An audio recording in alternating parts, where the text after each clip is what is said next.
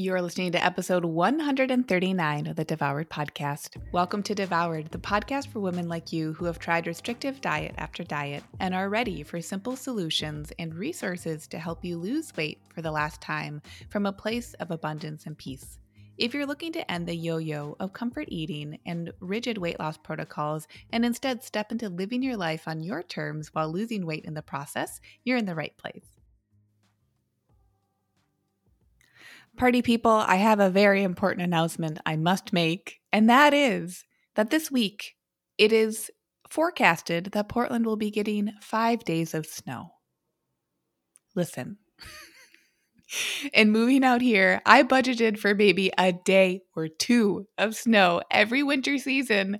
I don't know if I'm emotionally prepared for snow. And I'm also kind of excited. You know, it's that both and kind of live living experience.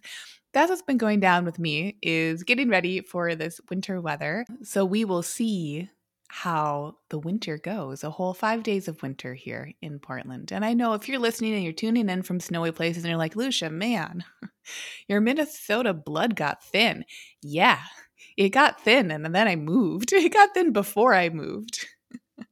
I'll never forget that last winter when I was in Minnesota. I was like curled up with so many blankets on me on my couch. And I was like, what am I doing here? I know that there are sayings in cold countries where I, I want to say it's, is it Norwegian?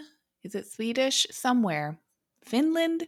Somewhere where they're like, there's no bad weather, there's just bad clothing. And I do believe that. And also, I believe that if you have the ability to move somewhere where it doesn't dip into the negative temperatures, you could consider that. You could consider that an option. So, welcome to the show. And today I want to share with you a concept that I use with my clients in Lean and Liberated. And it's such a simple concept that I realized that it would be a really fun one to share here on the show because it will be simple. And one of the biggest revelations that my clients come to, that I have come to, that we all come to in these journeys of creating relationships with the foods on our plate and our bodies in the mirror and our feet in our shoes and our hearts in our chests, is that what is simple may not be easy, but that does not have to be a bad thing. And so, this is a simple practice and it is one of the practices that I do find can bring with it quite a bit of ease. So, this is one of those middle of the road exercises that you can use to start to begin to suss out which foods in this present moment would I like to invite in for myself without having to overly rely on your left brain, that analytical, logical brain, without having to feel like it's a free fall of all the emotions and all the stories, all the way from your childhood, getting dragged out of your subconscious every single time.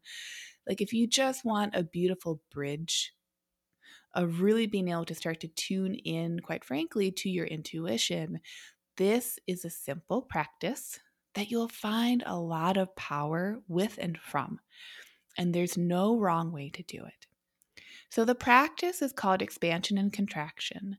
And I'm not sure where it originated from, but I learned about it from a peer of mine, Jessica Flanagan, who has been on the show before.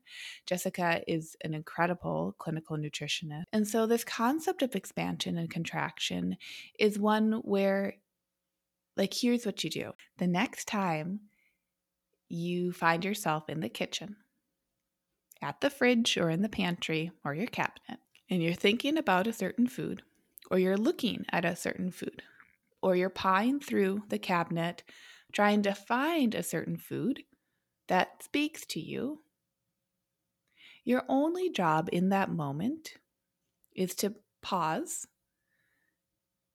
and ask yourself. And if you have a food, you can hold it or you can look at it. And if you don't have a food yet, you can ask yourself without knowing which food it is. Okay, this works in any of those situations. You're going to pause and ask yourself Does this food bring me expansion when I think about it? And if you don't have a food, you can ask yourself which food would bring me expansion when I think about it. So let's break down what that expansion is. I encourage you, when you're taking this beat and this moment to think about it, to close your eyes and allow yourself to drop into your body, into your core, maybe your chest, between your belly button and your brain, to be dropping down into yourself and notice do I feel a sense of openness? If I'm a visual person, do I have the feeling of visualizing the sky or open air or a field or a big body of water, clouds, sunshine, birds flying in a flock, whatever comes to you? Do I have that experience of expansion, of rooting into that image and feeling more open myself? Do my shoulders relax? Does my jaw drop out of my soft palate? Do I have a feeling of warmth and sunshine? Those would all be clues of expansion. Or, on the contrary, does this food or is there a food that I would imagine that brings me a sense of contraction? That sense of contraction would be the opposite of expansion. There might be a narrowing in of what you're visualizing. You might notice that there is, if you're more visual, that there is a darkening or deepening of colors or scenery that you're visualizing.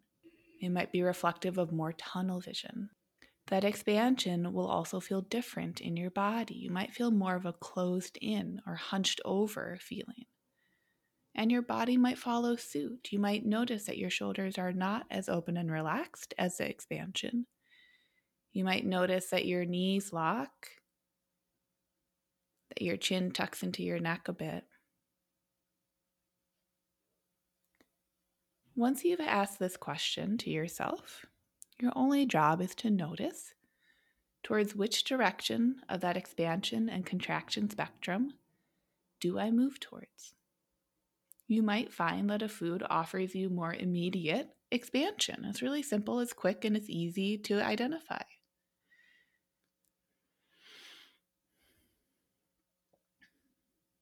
You might also notice that a different food offers you some contraction. Now, here's where I like to take it one step further.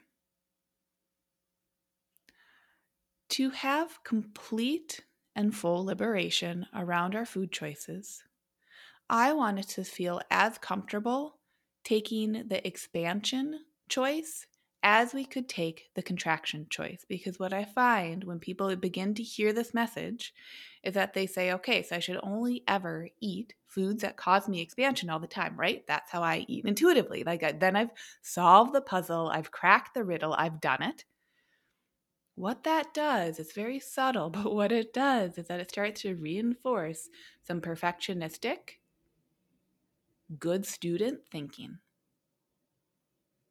So I like us to identify what is expansion for me in this moment, what is contraction, and now that I have this understanding of both of them, and that I have allowed myself to feel and experience whichever one might come up naturally for this food or meal or snack or beverage or whatever in question, I can now understand that that was my only job was to check in. And then from there, once we've done this check in, that is a powerful place where we can make the radical decision that will serve us best in that moment. That is what bridges the gap from feeling like intuitive eating or eating for our weight loss or eating to never talk about weight again or eating more protein for muscle gain or whatever the hell it might be this is where we can stop trying to game with the system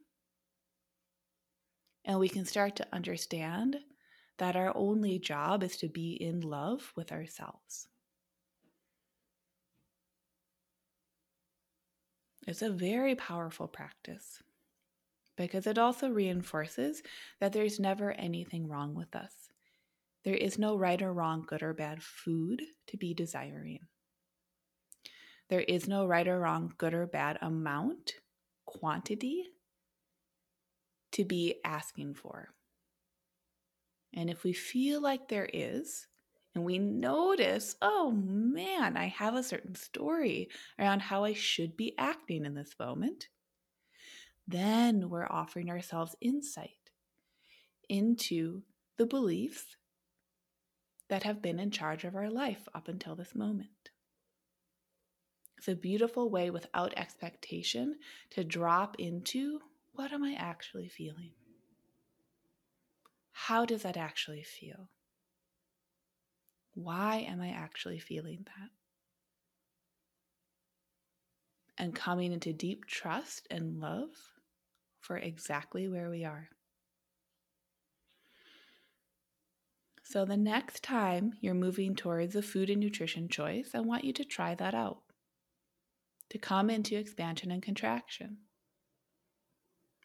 And just notice what is that experience like?